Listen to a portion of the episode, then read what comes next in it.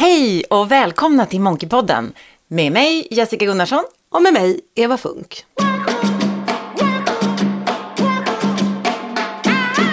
Det råder ju ingen tvekan om att vår närmaste nu levande släkting är just dvärgschimpansen och bonobonapan som den även kallas. Du påstår att det är ganska lite som skiljer våra gener åt, men där bråkar forskarna lite grann om exakt hur mycket och sådär, men vi, vi är väldigt, väldigt lika dem. Och, så jag har kollat lite grann vad de här aporna egentligen håller på med. Eh, Och det är lite Jag är roligt. så glad att det är just dem som vi blir närmast besläktade med. Ja, men de har massa roligt hiss för Ja. sig. Och då kan man, jag tänker att om man, om man eh, kan lite grann om dem så kanske man också kan förstå lite mer vad det innebär att vara människa. Mm. Eller bli en bättre människa. Exakt. Och i bonobonapornas, eh, i deras eh, gemenskap så är det kvinnorna som har väldigt mycket makt. Och när kvinnorna blir könsmogna och vill börja para sig, då drar de till en annan stam för att de ska undvika inavel. Och sen så har deras kön en förmåga så att deras blygläppar liksom svullnar upp när de är fertila. Men den gör den även emellanåt när de inte är fertila.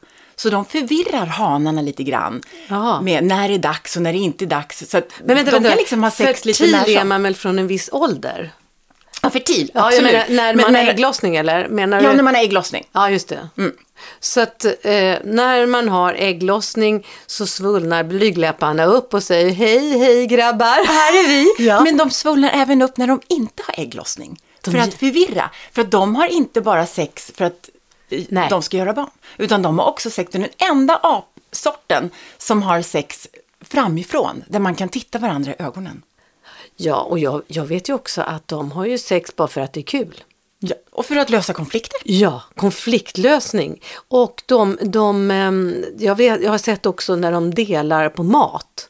Eh, och så, jag har ju läst den, eh, en, en primatforskare, Frans de Waal, och han har beskrivit också hur det går till. Alltså, om det sitter någon som håller en matbit, en banan, och då så går de dit och gnuggar där det är skönast och då är den villig att dela med sig av bananen. Alltså det är så roligt! Man gnuggar bara där det är skönast och då får man som man vill. Det är helt Ja, fantastiskt. ja, ja. Men det man har kommit fram till ändå, det som skiljer oss eh, från dem är ju att vi har den här förmågan till självreflektion. Mm. Om man ska fundera kring vad det är att vara människa, Mm. då kommer vi också tillbaka till det vi pratade om förra gången kring liksom, etik och Mm, moral. och vad skapar mening? Och, och, och vad är, liksom, hur säkrar man mänsklig moral? Mm. Och, och vad skiljer oss från... Och då, om man tänker lite grann på hur de aporna lever eh, och hur vi människor lever så är det ju väldigt lika ibland. Och då tänker jag att vissa människor är ju mindre lika aporna. Alltså vissa, förmågan till självreflektion skiljer sig otroligt mycket från människa till människa. Och det blir jag lite, det, det tycker jag är intressant. Vad är det som gör att vissa människor verkar sakna självreflektion och vara lite mer då som aporna, om Ja, man säger det- så. ja. Och andra har en otrolig förmåga till självreflektion. Ja, jag tror, jag, ja, nu ska du få veta hur Ja. det är. Nej, men jag tänker så här, av, av det jag läst och det som jag kunnat dra med, eh, till minnes vad jag läst, så handlar det om att ehm, eh, mor, alltså samhälle, vilket samhälle man lever i och eh, hur, vilka man har växt upp med. Om man har föräldrar som, och skola som reflekterar hela tiden så lär man sig reflektion. Om man lever i ett hem där man aldrig reflekterar och frågar och får ha olika åsikter eller sådär, så klart att man aldrig kommer ha det. Sen finns det ju också en eh, gamla okunskap. Man trodde ju för, för länge sedan att människan föddes ond. Och sen skulle man slå bort ondskan till den blev snäll. Och, och det är ju så galet, man, men, men det finns fortfarande lite kvar i vårt samhälle att man ska straffa bort det onda. Så att det goda kommer fram. Det finns ju faktiskt över hela världen att man ska göra det. Och det, nej, människan föds god. Och sen tar den olika strategier för att överleva. Eh, Och då går du tillbaka till föräldraskapet och det sociala den miljön kretsen man runt är. Miljö. Ja, ja, de miljö. vuxna man är. Det är ju människorna man möter som bygger en till det man blir. Känn på den. Men i det att man föds god så är det ju också en grundläggande behov av oss alla att, att bli älskade.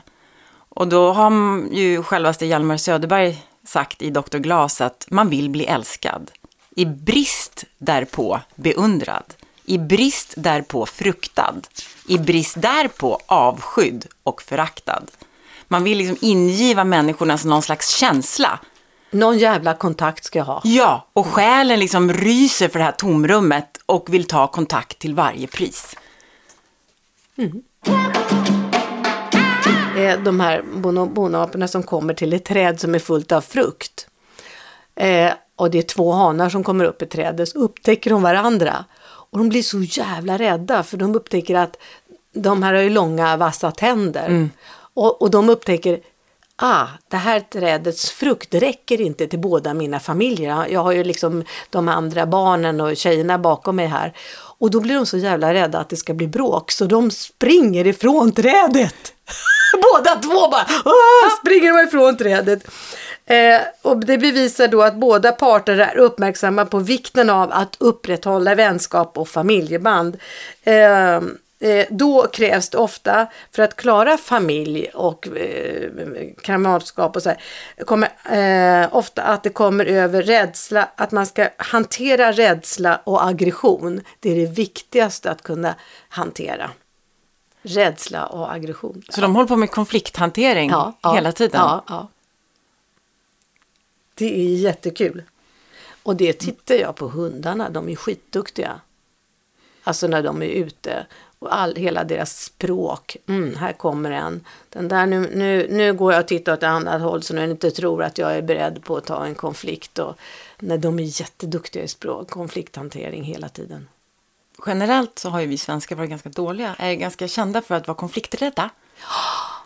Och att man hellre undviker en konflikt och så går man och knyter näven i fickan. Mm. Eh, jag sysslar ju ganska mycket om dagen med att få människor att prata med varandra mm. Eh, på mitt vanliga jobb. Mm. Och jag märker väldigt ofta i samhället, och det är även inte bara på mitt jobb utan även mm. bland människor jag, jag ser och känner och sådär, mm. så, så har vi, är vi ganska dåliga på att kommunicera svåra saker.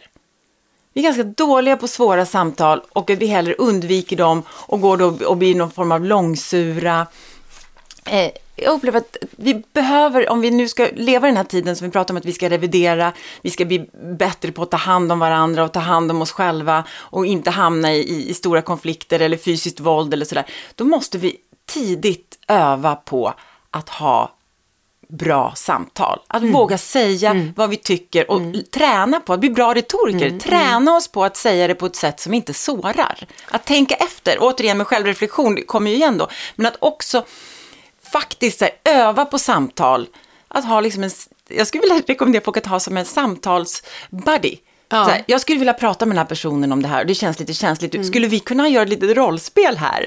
Jag har ett, ett svårt samtal som jag skulle vilja göra. Kan mm. inte du och jag öva det först mm. innan jag går och tar det med, mm, mm. med den det berör? Mm. Att man också får, får träna, för ofta är det så att man går och bär på någonting.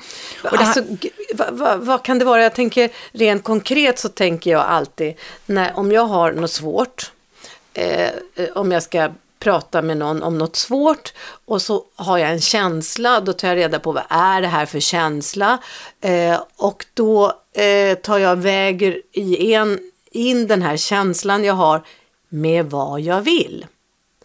Så i alla samtal måste jag först veta vad jag vill. Hur vill jag att det här samtalet ska sluta? Vad är mitt mål? Alltså, jag vill det här. Kan vi komma dit tillsammans eller kan vi inte komma dit tillsammans? Eh, och på vägen så kanske jag upptäcker, nej jag kan inte få det jag vill, då gäller det att lägga ner. Ja, eller också har man bara en, känsla och, och det, det, är någonting i magen och jag tror att det här med att sätta ord på, du är otroligt bra att sätta ord på det du känner. Du har ju tränat mycket på det, mm, du, du är en mm, verbal mm, person. Jag tror väldigt många känner saker men kan inte sätta ord på dem. Nej. Och har det... inte kontakt med för det, handlar, det har nog om att lära känna sig själv. Att veta, vem in, är jag? Ja, och sen om man inte vet vad en känsla heter, då kan man inte prata om den. Om man inte vet att den här känslan jag känner heter skam, eller den här känslan heter oro. Om man då inte vet det, då vet man inte heller vad känslan ska hjälpa en med. Men om det bara inte känns bra då? Ja, inte känns bra. Okej, okay. då är man ju jättesnurrig. Så här. Det känns inte bra. Och det är oftast man är snurrig när man är upprörd. Ja, då måste man ju sätta sig ner. Det, det, då måste man sätta sig ner och, och sen gärna skriva ner på ett papper. Eh, nu, nu bara så här, vad är det som inte känns bra? Jag skriver ner allt som inte, random bara, låt det bara komma ut på det här pappret, titta på pappret, vad är det här? Vad är det för ord jag har skrivit ner? Och sen så kan man lägga lite pussel av det man har skrivit ner och så kommer man snart till vad, vad det är som man eh, tycker är jobbigt i livet och sen kan man ha hur ska jag ta mig härifrån det här? Eh, vem måste jag prata med och säga vad jag vill? Eh, jag vill ha, alltså, jag tycker att det är för mycket med både barn och hem och mitt jobb. Det är en ganska vanlig fråga. Sådär. Mm. Jag vill få det bättre i mitt liv kan jag säga till min man. Jag vill få det bättre eh, för att jag känner Eh, jag känner mig så jävla orolig. Det oroliga är att allting ska gå åt helvete mellan oss. Sånt tror inte jag folk ens vågar säga ibland. Nej, det är bra att skriva det på papper. Hjärnan och, och, och att man inte tar sig den tiden att rannsaka sig själv. Vad är det som gör att jag känner oro? Mm. Eller vad är det som gör mm. att jag, jag är rädd? Mm. Eller att man ens vill öppna den dörren av att, att verkligen försöka ta reda på att de har den bästa versionen av sig själv varje dag. Ja, men man kan, man kan lita ganska mycket på folk. Om någon skulle komma till dig, din man skulle komma till dig och säga jag är orolig för att vårt förhållande kanske inte blir bra. Vad skulle du göra då? Du skulle ju sätta in allt, 110 procent för att övertyga honom om att det är bra. Verkligen, men jag skulle ju bli superbesviken om han inte skulle komma. Ja, men du ser. Du ser, tänk dig bara själv om någon kommer till dig och säger det du vill säga, hur du skulle ta emot det. Mm. Är det så att han säger, nej jag tycker också dåligt, jag är på väg härifrån, ja vad fan, då var det tur att man fick reda på det i tid. Jag har en kompis som hade haft ett långt, eller kompis, det var en som jag kände, eh, som hade haft ett långt äktenskap och sen så började hon titta åt andra. Och då hade hon en period som hon gjorde det och sen blev det så här förvirrat och så sa hon bara ändå så, alltså det är så hemskt, jag har börjat titta på andra. Ja, okej. Okay. Vet du vad han gjorde?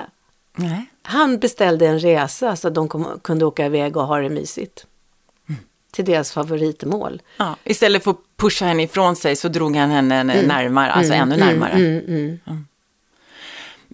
Men i... Istället för att säga, jag är på väg bort från det, så jag vill komma närmare dig. Alltså jag vill komma närmare dig, inte det andra, jag är på väg bort. Eller, eller gärna skylla på den andra. Men sen är det väl ofta så att, att kärleken, för mig, går, går ofta före logiken. Alltså att man känner så mycket så att man tappar logik också. Ja, vad säger vi om det Jessica? det, alltså, jag säger om och om igen, känslorna får inte styra för de vet inte hur de ska styra. Det är du själv som måste bestämma över dina känslor. De är bara en informatör. Nu är jag arg. Vad fan blev jag arg över? Ja, jag vill få till ett förändring. Och, och eh, vad är kärlek? Det kan man ju då börja tänka på. Vad är det? Det är en massa olika känslor tror jag. Det tror jag också. Det är en känsla av, av trygghet, av upphetsning, av glädje, av eh, nyfikenhet. Eh, ja, den innehåller... Intresse är ju grundkänslan. Ja. Och den man får ju inte någon om man inte visar intresse eh, då får man ju inte någon partner. Nej. Nej, för då fattar inte det. Man inte, och sen tror man att man kan sluta vara intresserad. Och man gjorde ju en studie på folk som har varit ihop jättelänge. Vad var det viktigaste? Och det var att fråga på morgonen. Mm. Vad ska du göra idag? Ja. Visa intresse.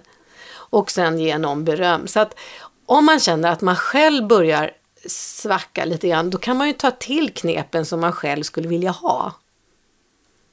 Ta alltså, igen. Alltså om man känner så här, åh, min man är här. Han, jag känner att han är på väg bort.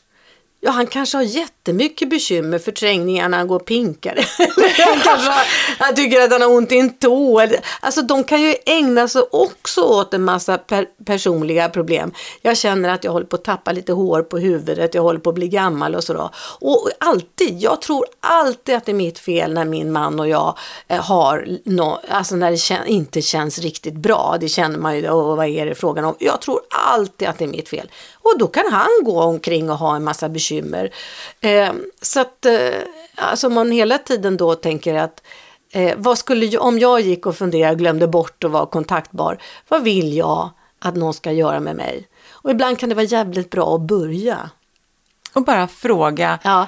Enkla Hur- frågor och krafsa lite Ja, och hur mår- nudga. hur Hur, mår är du? det? Och, och leda Ska vi in göra något roligt? Vad vill du? Ska vi uh, gå på bio? Ska vi göra något roligt istället? Så, så blir jag så här, bara ställa upp en mu- mur. Okej, okej, okej. Är det det här som gäller? Då murar jag också. Och så blir man en jävla dum fighter för att försvara sig för man tror att man har gjort fel. Mycket bättre att börja försöka göra. Ja, och sen i, i det mötas att man, man, man har, det är svårare om man inte har samma mål. Och man Ja. märker, man måste kanske redogöra lite grann för att, att, man, att man vill vara tillsammans. Mm. För det som skapar mest stress och oro hos människor är ju otydlighet.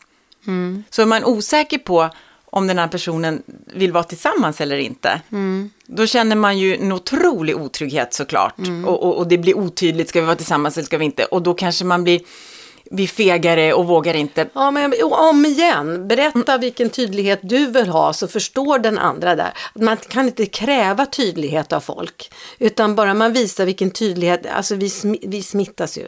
Så att om jag smittar av mig på dig, att jag är tydlig mot dig, då kommer du våga vara tydlig mot mig. Så vill jag ha mer tydlighet av någon så kan jag börja lite med lite vänlig tydlighet och se om jag får det tillbaka. Det börjar ju alltid hos en själv. Ja, tyvärr. Att man förstår, om jag förstår mina behov, Mm. då kan jag verbalisera dem och få dig att reagera på något sätt. Jag kan inte förvänta mig att du ska Mm. Nej.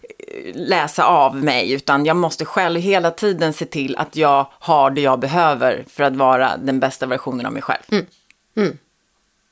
Så det innebär ju att man har ju, alla människor har liksom ansvar själva Mm. för sin egen, man är sin egen lyckas smed om man ska använda en Ja, klyscha. Man ja, kan inte ja. förvänta sig att andra ska lösa ens Det där är shit. roligt uttryck om jag får... Ja. Därför att lycka, egen lyckas med, lycka kan också vara en sån här järnkrok. Så bara hooka fast den. ja. ja, nej men eh, jag, jag tror att det är eh, faktiskt att inte gå och grubbla och tro så mycket om vad den andra tycker och den andra tänker. Den kanske är helt upptagen med något annat. Än med att säga. Våga fråga. Mm. Och ta det där snacket. Prata med den där kompisen som man går och oroar sig Mm, över. Prata med den där partnern eller den kollegan. Och det här med prata, det, det jag kan bli, jag kan tänka så här, att man kan skrämma bort folk om man alltid ska prata allvar. Att så här, vi måste gå på djupet med det här och det kanske är så att det är just det den inte vill. Kanske vi kan nå varandra på ett annat sätt då. Men jag tycker ändå att man behöver kunna säga så här, du jag behöver snacka om en grej. Mm. Har du fem minuter? Att man förbereder, man krattar lite för. För att någonstans har jag gått och burit på det här och känt att jag måste få prata med det här om dig. Men det, personen är ju helt oförberedd. Den vet ju inte att jag har en massa saker kanske Nej, som jag vill nej, prata om. nej. Så att man liksom, man, återigen, man nudgar, Vad gör, krafsar vad lite gör så här, man då? Vad- Kan, ska vi ta ett exempel? Mm, om jag tar ett exempel, att, att jag har, var på ett möte där jag upplevde vissa saker som inte kändes bra. Men vågade inte säga något i mötet. Nej. För jag blev så här, jag blev osäker på, kände jag verkligen det här? Stämde det här? Plockade jag upp fel? Eh, var, var det mitt fel? Ligger det på mig? Eller, du vet, man, man tänker hundra saker. Igen. Och blir man är rädd. den svagaste länken. Man vill tillhöra en grupp, Mm. att det ska fungera. Och man tar alltid sig själv. För det är mycket lättare att ändra på sig själv än att Det är därför vi gör så. Ja. För att vi orkar inte ändra en hel grupp. Därför ska vi i första hand ändra på oss själva. Det är därför vi har det här jävla fenomenet att det alltid är vårt fel. Ja, men jag, jag är någon form av expert på det där. Ja. Jag är ju i grunden någon form av trivseltroll. Där jag vill att alla, att det ska liksom vara bra för alla. Och, och då har jag lättare för att själv anpassa mig än att kräva att andra ska inrätta sig i en viss ordning. Nej, men så måste, då går jag och funderar på det där då. Eh, och så ångrar jag mig efteråt att jag inte sa någonting där och då. Ja. Och så tänker jag, men nu har det ju gått en vecka. Ja. Nu kan jag, och nu fattar jag vad det är, för att nu har jag liksom lyssnat runt lite grann och jag har själv reflekterat och sådär. Så nu har jag bestämt mig för att händer det igen, Att du känner någonting. ja, så ska jag ta mod till mig. Och det enda, jag kan säga då att nu upplever jag det här. Vad upplever ni? Ja, Att, att försöka ställa en öppen fråga så att man inte och, och, och det här, går på. Mm. Och får jag vara lite kritisk då, eh, som jag gärna är. Eh, nu upplever jag det här, då är det en känsla i rummet. Och då är det ju inte konkret. Nej, det är det som blir det svåra. Ja, det är där man skjuter fel. Om man, man känner av någonting, då börjar man fråga om okej, är det så här det ska gå till? Och så backar man och frågar och frågar konkret om själva ämnet.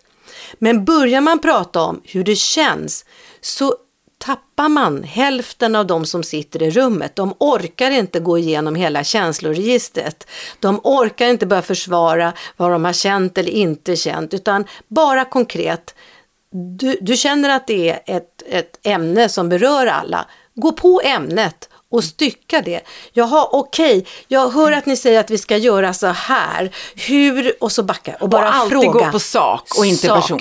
Sak, Ge sak, sak. fan i känslorna. Jag kan känna vad jag vill, jag kan tycka Ja. vad jag vill, men jag får inte säga vad jag vill. Man, alltså på en arbetsplats får du inte Nej, nej. säga eller bete dig hur, hur Nej. Mm. som helst. Alltså, men du har naturligtvis rätt att känna saker och du har också eh, rätt att tycka saker. Men du har inte alltid rätt att säga och bete dig. Nej, för är det så här att du anar någonting så är det bättre att du hör dem säga det och de får höra med sina egna ord vad de håller på med. Än att du säger det, för då är det jättebra att försvara sig. Så fråga, fråga, fråga sakligt. Okej, har jag fattat det rätt att vi ska göra så här? Mm. Okej, och delfrågan här, om vi gör så här, vad händer då? Är det någon som, eh, ha, jaha, och, och, och så bara går på, de blir tokiga till slut. För då måste de höra vad fan de håller på med. Så inte prata om hur det känns. Nej, Det, oh, jävlar! om du gör det, då kommer jag så här, Nej. Tack. Jag kom, nästa gång du pratar om känslor på jobbet så kommer jag sitta på din högra axel så här, och så kommer jag bita dig i nacken. Man ska inte känna så jävla mycket på Jo. jobbet alltså. Nej, men inte på Jo. jobbet. Alltså, jo, känna men inte... det är det bästa som finns att känna och känna in och du är jätteduktig med det. Och sen är det den andra delen, hanter, du känner ju precis, du vet, vet. man anar, men det är inte det som man använder när man har kontakt med andra människor. Nej. Nej, jag får känna här Ja. i min space Ja. och sen så det som kommer ut eh, Ja. ska vara sakligt. Ja. Jag kan berätta om en, en tjej som, eh, det där att man inte förstår det där med känslor. En tjej som hade ett projekt, hon jobbar i ett stort företag med eh, spritt över hela Sverige. Och hon hade ett projekt som hon hade arbetat fram som skulle ingå på den här arbetsplatsen runt omkring. Och, och så gick hon till chefen och så sa hon, det här vill jag, det här projektet, jag tycker det skulle vara så bra för vårt företag. Ha. och, och hon arbetade fram det där och visade den, ja jättebra. Och sen så började hon prata om en kollega som mådde skitdåligt. Och så berättade hon, ja det är så här, och jag, jag är så orolig, det kanske är bra om du sätter något kraftfullt och eh, utmanande projekt hos den här personen. Eh, jaha, sa chefen. Och så gick den här kompisen ut därifrån och några dagar senare så fick hen veta att det var en kollegan som fick det där projektet som hon hade arbetat igenom. Och så pratade vi med varandra. Hon sa, ja men jag fattar ingenting. Jag, jag, jag levererar projektet och, och chefen tycker att det är alldeles utmärkt. Och sen ser jag hur chefen lämnar över det till den andra. Ja, därför du sa inte vad du ville. Jag vill göra det här. Och du ska se till att den andra får en utmaning. Men det här är min. Ja, men nu ska jag göra. Du går till din chef och säger vad du vill. Det där var mitt projekt, det vill jag göra, det har jag arbetat med länge. Och du får hitta på något nytt till den andra. Och så gjorde hon det och så fick hon tillbaka det. Alltså precis som när du bara Ja, man, går rakt fram och säger så här vill jag att det ska gå till. Absolut. Jag, jag är, Du är jätteduktig jag på är det. väldigt bra på att att få det jag vill när jag vet vad jag vill. Men ibland hamnar ju också vi människor i gråzon. Ibland är det inte så enkelt att veta vad Nej. man vill. Nej. Och det är då den här osäkerheten och otydligheten kommer och, och det skapar stress. Så då måste man återigen här, sortera och bestämma sig och våga faktiskt bestämma sig, det här vill jag. Ja, och, varje gång, det. och varje gång du känner stress, då är du rädd. Och då börjar jag skriva ner på papper vad jag är rädd för och gör någonting åt det. Ja. Det kom ett brev. Nej, Jo. vad roligt. Var det Eller rött? ja. Luktar det gott eller? Nej, det var ett digitalt, ett e-mail, ett digitalt, ett e-brev till mig. Ja. Ska jag läsa? Ja. Hej! Tillsammans med vår medicinska rådgivare har vi bedömt den medicinska invaliditetsgraden till 2% definitivt! Oh, definitivt Ja. ingen återvändo. Nej, Vad? jag är nu bara 98-procentig. Är det hörseln eller synen eller? Nej, jag pajade mitt knä för två år sedan, nästan nu. 17 maj, 17 maj Ja. 2017 Ja. var jag på yogan och gjorde en övning och så small det till. Och så sprack menisken liksom, i två delar. Så jag fick åka till akuten och blev undersökt och du vet massa saker gå och vänta på röntgen och bla bla bla. Och en månad senare så blev jag då opererad. Och då sa de att vi kommer nog bara skära bort en bit av menisken och så funkar det som vanligt. Och sen så vaknade jag upp efter operationen och har ett stort svart liksom stelbenspaket inlindat runt benet. Jag bara, vad är det här? Så kommer doktorn och så säger han så här, nu är det så här att vi lagade din menisk. Den var mycket fin. Det brukar vi inte göra på människor i din ålder, säger han. Wow. Wow! Då blev jag nästan stolt så jag delen. Ja. Min menisk var fin. Ja. Mm. Men det innebar att det var en otroligt tung rehabilitering. För jag kunde ju inte, jag, var, jag hade stelbensskena i sex veckor och sen så fick jag gå på rehab och rehab och rehab och rehab. Och än idag då som sagt så har jag liksom inte full rörlighet. Så Nej. nu har de bestämt att jag är bara 98-procentig. Det verkar som det inte känns bra.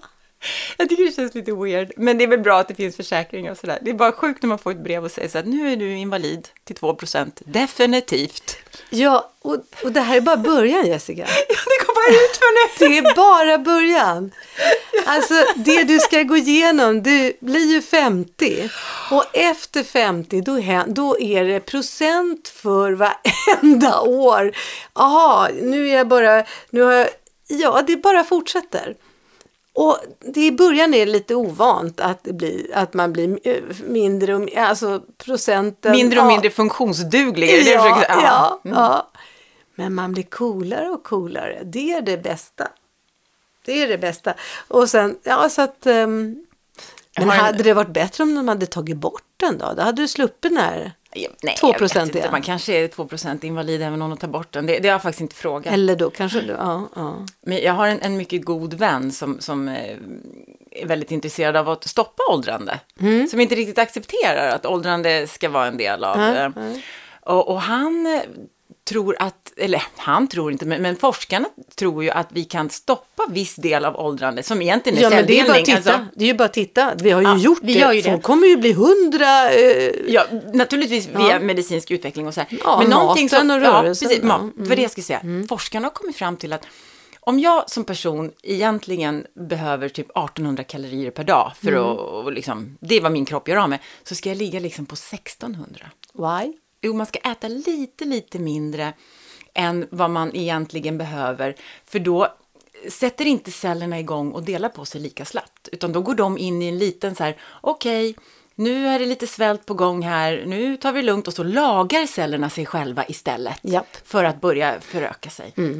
Alldeles riktigt. Ja, och det tycker jag är lite spännande. Det- och alltså, det det, handlar där- inte om att svälta sig, utan det handlar om att bara ligga lite, ja, lite... Alltså man, gör, eh, man upptäckte att det var, nu ska vi se, det hade varit svält eh, och sen upptäckte man att deras barn var så friska. Och då såg man att de hade, just den här svälten gjorde att eh, man lagade cellerna, alltså cellen lagar sig själv istället för att gå till duplicering. Precis, men det, det är en fin balans för du får ju Ja. inte få i det för lite för då börjar du ju att inte kunna laga det. Alltså du får Ja. inte svälta Nej, dig för nej, mycket nej, så att man blir, för då kan man ju bryta ner kroppen också. Så Ja. det gäller att hitta den här balansen, på, eh, typ en 200 kalorier mindre än vad man egentligen... Men li, ganska intressant. lite hungrig lite då och då är inte farligt. Det kommer jag ihåg när någon sa det. så här, Nej, det är ju inte farligt att vara lite hungrig ibland. Det var ju rätt okej. Så länge man vet att man får mat om Ja, en stund ja. och klarar av det mentala, att man inte blir stressad eller irriterad eller Ja, sur bara för att man är lite hungrig, utan man förstår vad det är. Okej, jag är bara lite hungrig, jag tar ett glas vatten, jag äter om en timme. Mm. Så det där med att få i sig för mycket, då bara säga ah, okej, vi går till duplicering. Det här verkar ju inte alls vara så farligt. Vi kan köra på och duplicera hela tiden. Ja, men vänta, kanske vi skulle läsa av om det är skit vi håller på att duplicera. Nej, det är jättesmart. Så det är väldigt intressant. Jag tror att den här 2-5-metoden var ute efter Det, ja. Sätta igång eh, att, eh, det där. Men tydligen så är det inte bra att svälta sig för mycket, utan Nej. hellre att, att, att, att liksom ligga li, lite på gränsen hela tiden, än att inte göra såna här chockgrejer. Liksom. Just det, då, och inte för mycket för då går man ju ner och en ämnesomsättning går ju ner då. Ja, ja, ja om, då- om man blir svag. Ja, liksom. ja, man ja, ska visst. inte gå omkring och vara svag. Jaha, den här utan- människan ska inte leva. Nej, då kopplar vi ner den. Ja. Nej, man får, alltså, Mm, ma- det är jättefarligt att bråka för mycket med maten och gå in. Då kan man bli sjuk på riktigt. Så det får man inte göra. Men man Mm. Kan bara tänka sig för lite grann. Att det är lite intressant att det faktiskt Inte vara proppmätt hela tiden. Nej, inte proppmätt. Det finns sådana som smidigare förrättar sina liv. De har ordning inom sig och omkring sig. Rätta sättet och rätta svaret på allt. De anar med detsamma vem som är vem och i vilket syfte och vart de är på väg. De sätter stämplar på de enda sanningarna, slänger onödiga fakta direkt i papperskorgen och okända personer lägger dem i mappar avsedda för sådana. De tänker så mycket som det är lönt, inte en sekund längre. Ty bortom sekunden ligger tvivlet på lur. Och när de till slut permitteras från varat lämnar de sin post genom anvisade dörrar. Ibland avundas jag dem, men det går lyckligtvis över. Ja, vad härligt. Vad kul. Vad var det där? Ja, det är en dikt från en Wislava Zlymborska. Hennes bok Nog nu. Det blev hennes sista, hon är död. Ah, För jag, jag, jag finner någon form av trygghet i att jag låter min tanke vara fri. Att, att jag vill kunna se saker från olika vinklar och håll. Och det kanske kan vara si, det kanske kan vara så. Och, och försöka hitta en trygghet i det. det, att det är inte farligt med tvivel, verkar det som hon vill säga där.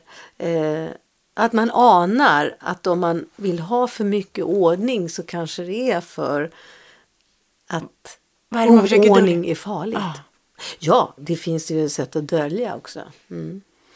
Och jag tänker att vi, vi ska vara så himla informerade idag och pålästa och vi ska klara av allt och vara duktiga och framgångsrika. Och vi har så mycket krav på oss själva. Man hinner ingenting. Nej, men vad, vad händer med att, att bara få vara och duga som man är? Att kunna faktiskt stolt stå upp och säga, det här är jag. Jag är inte perfekt, men jag är okej. Jag accepterar mig själv som den människa jag är med mina fel och brister. Och så försöker jag ändå. Kommer vi in på stolt eller? Ja, men, men, men det här med att, att även om man inte... Att man, att man, så länge viljan finns att jobba på sig själv, att försöka utvecklas. Och är det då så att man vill utvecklas och tror att det finns saker att jobba på, då måste man också erkänna att nej, jag kan inte allt och vet inte allt. Det är den enda sättet att kapitulera inför det, att jag är en människa på tillväxt. Ja, hela livet ja. Ja, hela livet. Ja. I stay curious. Jag är Ja. fortfarande nyfiken. Det finns saker att lära. För ju mer man vet, desto mer frågor uppstår. Att, att man får inte vara för rädd för att, att, Att göra fel? att göra fel. Eller, Eller? också att, att, att erkänna att jag är fortfarande söker. Jag letar. Ja, just det. Just det. Sätt mig inte i något fack. Nej, snälla. Ja. Och så fort jag känner Men du någon... verkar som den här dikten pratade om att det, det är, verkar vilsamt att hamna i ett fack. Man behöver, mm, det, livet blir mycket lättare. Ja, Men det är väl klart som sjutton att jag kan titta på dem som sitter med sina perfekta hus och sina små perfekta Ja, bilar ja. och sitt vanliga jobb. Och det var liksom, i korta stunder Ja. Men, ser det perfekt ut utifrån och så känner jag bara, nej men jag, du bryr mig väl inte om dem? Jag har ju mitt eget att hålla på ja, med. och inte så hålla på och jämföra sig. Nej. Men, men man kan ha förebilder. Ja. Det är en jävla skillnad Ja. av förebilder. Men det jag menar med att det lyckligtvis går över för att det är Ja. bara korta stunder så kan man, och så bara, nej men vänta nu här, det är det här du har, det, det är det här du har att jobba på, och det är vad liv. vet du om hur det ser ut där bakom? Ingenting. Eh, En gång så, så um, vet jag en tjej som var så perfekt. Det var, allting var jätteperfekt. Man undrar hur man kan vara så perfekt. Ja, men det visade sig sen att hon dolde. Alltså, hon ville inte lätta på trycket överhuvudtaget och berätta om vilken trasig barndom hon hade. Jag tänker ofta på det. Ja, men, och det är ju det här att våga visa att vi är människor. För någonstans så spelar det, för mig, ingen roll om man är en känd Men de tror väl att de är människor? Jo, men alltså, det spelar ingen roll om du är en känd skådespelare, Nej. eller om du är en politiker, Nej. eller om du är en, en lärare, eller vem det nu än är, så är jag fortfarande mer intresserad av människan. Mm, mm, det, det är roligare. Ja, en, en roll. Vi har ju olika roller. Ja. Ja, jag har en mammaroll såklart. Ja, jag har en roll på jobbet. Ja, ja. Jag har också en, en roll i min, bland väninnorna kanske i, Mm, ibland. Att man tar, när man växer upp och sådär. Det är klart att jag har olika roller. Ja, det måste man ha. Men jag har alltid människan med mig. Jag går inte till mitt jobb och sätter på mig någon alldeles för stor mask och stor kostym och där jag inte har samma värderingar på jobbet som jag har hemma. Nej, det kan man ju inte ha. Men, man, men man, man har olika masker, det är jättebra. Jag kommer ihåg på 70-talet när, när, när det sades att man var falsk om man hade det. Och sen så var det en eh, psykolog som, som skrev nej, det är social kompetens. Verkligen! Att veta att på jobbet, där vi, ska vi alla samsas om att göra någonting bra och leverera. Då kan inte jag komma dragandes med dåligt humör. Nej tack, lämna det hemma. Eller jag kan inte komma hem till mina barn som har ett helt annat liv, vet ingenting om mitt jobb. Ah, på med masken, nu är det så att här ska jag leverera en bra barndom och då kan jag inte släpa in hela jobbet in i det privata. Nej, och det där med förebilder, och jag såg idag, jag fick en, en liten reklam här, det där med att vara stolt över den du är. Ja. Och vara stolt så länge du kan över den du är. Ja. Eh, och så försöka hitta vem man är, för det, det gör jag fortfarande, försöker hitta vem jag är. Är, är jag tre år, eh, ibland kan man ju bli tre år på nolltid, eh, eller tolv år, ja, man blir en liten jävla slampa. Ja, nej, men vi har allt i oss, det är det Ja. jag försöker säga. Vi innehåller allting, sen så behöver man ju inte pysa ut det hela Nej. tiden. Men, men vi alla innehåller Och då, allt. ja, och då, då ser jag eh, en annons här för Lancome och det är skrynkelkräm eh, kräm då förstås. Älskar Eh, krämer. Ja, det här tycker jag. Eh, det här är då en kvinna som på den här som är ganska gammal. Hon är nu 65 tror jag, hon heter Isabella Rossellini. Ingrid Bergmans dotter, ja, det har inte med saken att göra kanske. Eller ja, jag vet Ja. inte. Men i alla fall, hon var ju då Lancomes ansikte tills hon blir kanske 45 eller kanske någonting sånt där. Och då så, eh, så sa de nej tack, nu vill, kan inte vi ha dig längre för nu har du blivit för gammal. Hon fick sparken. Ja, hon fick sparken. Det var ju så förfärligt. Ja. Och hon hamnade ju i en kris också. Eh, om jag kommer ihåg rätt då. Eh, och så eh, har hon berättat om det här och hon är så lakonisk, cool när hon berättar om det. Eh, förstås gjorde det väl mycket ondare men hon förhöll sig Hon så här. processa det nu kan man tänka, Ja. men det är väl aldrig... Och sen har hon specialintresse. Så vad gör den här människan när hon mår som skit och blivit sparkad för att hon är för gammal? Då, då tar hon sitt intresse. Insekter. Ja, jag vet precis var du, kom, var du är på väg med det här Alltså nu. den här människan som älskar, äh, som är skådespelare och som är den här modellen för skönheten. Hon älskar insekter. Vad gör människan då? Jo, hon gör en massa insektsfilmer, hon klär ut sig och så är det något som heter green porno. Älskar dem. Och hon klär ut sig till insekter och visar hur de fortplantar sig. Och det är nog så fruktansvärt roligt. De är fantastiska. Och obegripligt när jag såg det första gången. Nej men vänta, hon är ju sån här stor skådisen i, i Hollywood. Klär hon ut sig i papper? Papper som ser ut som en syrsa eller klär upp sig och med så, någon, eh, vad var det, tittade, hamster har jag tittat på nu. Ja. Och, det, och då så tänker jag på det här med stoltheten, man ska vara stolt över den man är. Eh, och här fick hon ju verkligen en knäck. Stoltheten fick verkligen en knäck. Och sen nu så kommer Lacombe och säger Jo, vi har ju kommit på att det finns en ga massa gamla människor. Kanske du med, som är så vacker kunde presentera en, en kräm för gamla människor. Eh, och jag har ju hört henne notera så här, ja nu kom de minsann. Och då tänker jag så här, fan, hon svalde kränkningen och fortsätter att vara stolt. Det tycker jag är så jävla härligt. Och kom hon, tillbaka. Hon kommer tillbaka och är det, eh, det nya ansiktet och hon är stolt över det. Eh, och då läste jag någonting så här, tänkte jag var stolt, vad betyder det liksom? Och då säger jag så här, att ingen har kvävts av att svälja sin stolthet. Nej. Ah, och ja, men nu är det nya förutsättningar så nu tänker jag nytt och så ser hon så här jävla härlig ut på ja, bilden. Den är fantastisk den här bilden. Ja. Och det är så härligt att se äldre kvinnor som liksom visar upp sig Ja. och, och det har vi haft alldeles för lite för. Eller av innan. Nu, nu börjar det komma lite mer. Mm. Vi har ju en stor grupp 40-talister som börjar bli gamla. De vill ju titta på 50-talisterna så att de tror att de är yngre. Nej. Åh. Nej, men jag, Ja. jag har ju själv ett, ett förflutet som modell. Det, just det. så under många år och, och var ute i Europa och jobbade som modell. Och utseendet, jag kommer ihåg att när jag var 20, Mm. då plåtades jag liksom för 30-åringar.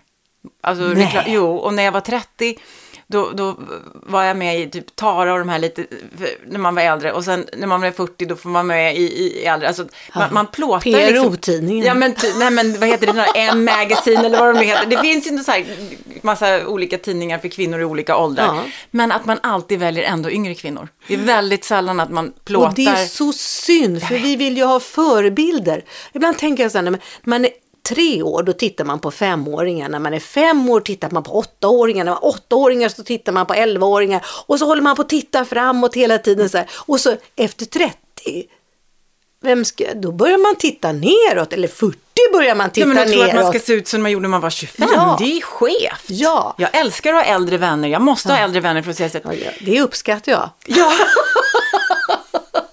ja, men för att se att, att, hur funkar det tio år framöver? Ja, liksom, ja. hur, hur, vad händer om tio år? Kan man leva vanligt liv då? Ja, jag var ju med, med i en orden och där finns det jättemånga 80-90-åringar som sprallar omkring. Och det är så nyttigt att vara tillsammans med dem och se, nej men jäklar vad länge man kan leva. Ja, så man kan bete sig sådär när man är 90. Ja, och ta reda på hur de har gjort för att bli så där pigga, gamla. Och sen kan man ha lite otur. Men man kan faktiskt lära sig lite grann utav de där som är så där gamla. Men jag ser många äldre som är lyckliga, som är fortfarande väldigt nyfikna. Som hela tiden tror att det finns mer att lära och inte känns liksom färdiga. Utan att man hela tiden, hela tiden utmanar och, och, och testar nya saker. Och vi behöver mycket mer äldre förebilder i vårt samhälle. Ja, men jag tror det. Eh, mormor och farmor och, och alla mormors mor och alla de där. Att de ska ta plats, synas. Att de får vara med och inte Träng. bara sättas på ett hem. Nej, tränger på ni som orkar. Tycker det. Vi vill ha er. Vi pratade ju förut om de här med aporna, bonobono-aporna och så. Och sen har jag den här boken som handlar om bonobono-aporna som Frans de Waal har studerat då. Och så berättar han om en, en hane som är sån här flockledare och håller ordning. Och när han blev lite äldre, alltså, det här är ju ungefär min pappa. Eh, eh, han, när han blev lite äldre så började han leka med ungdomarna och putsade tillsammans med honorna och så agerade han polis. Det skulle vara ordning här bland alla. Eh, och så, eh, Eh, och så snart han hörde ett bråk gick han dit och gjorde en stor dominansuppvisning med håret på ända för att stoppa det.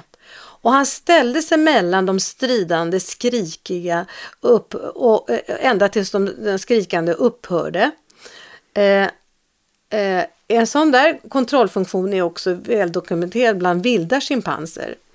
Det anmärkningsvärda är att hannarna inte tar ställning i den här rollen som poliser. De försvarar alltid de svagare.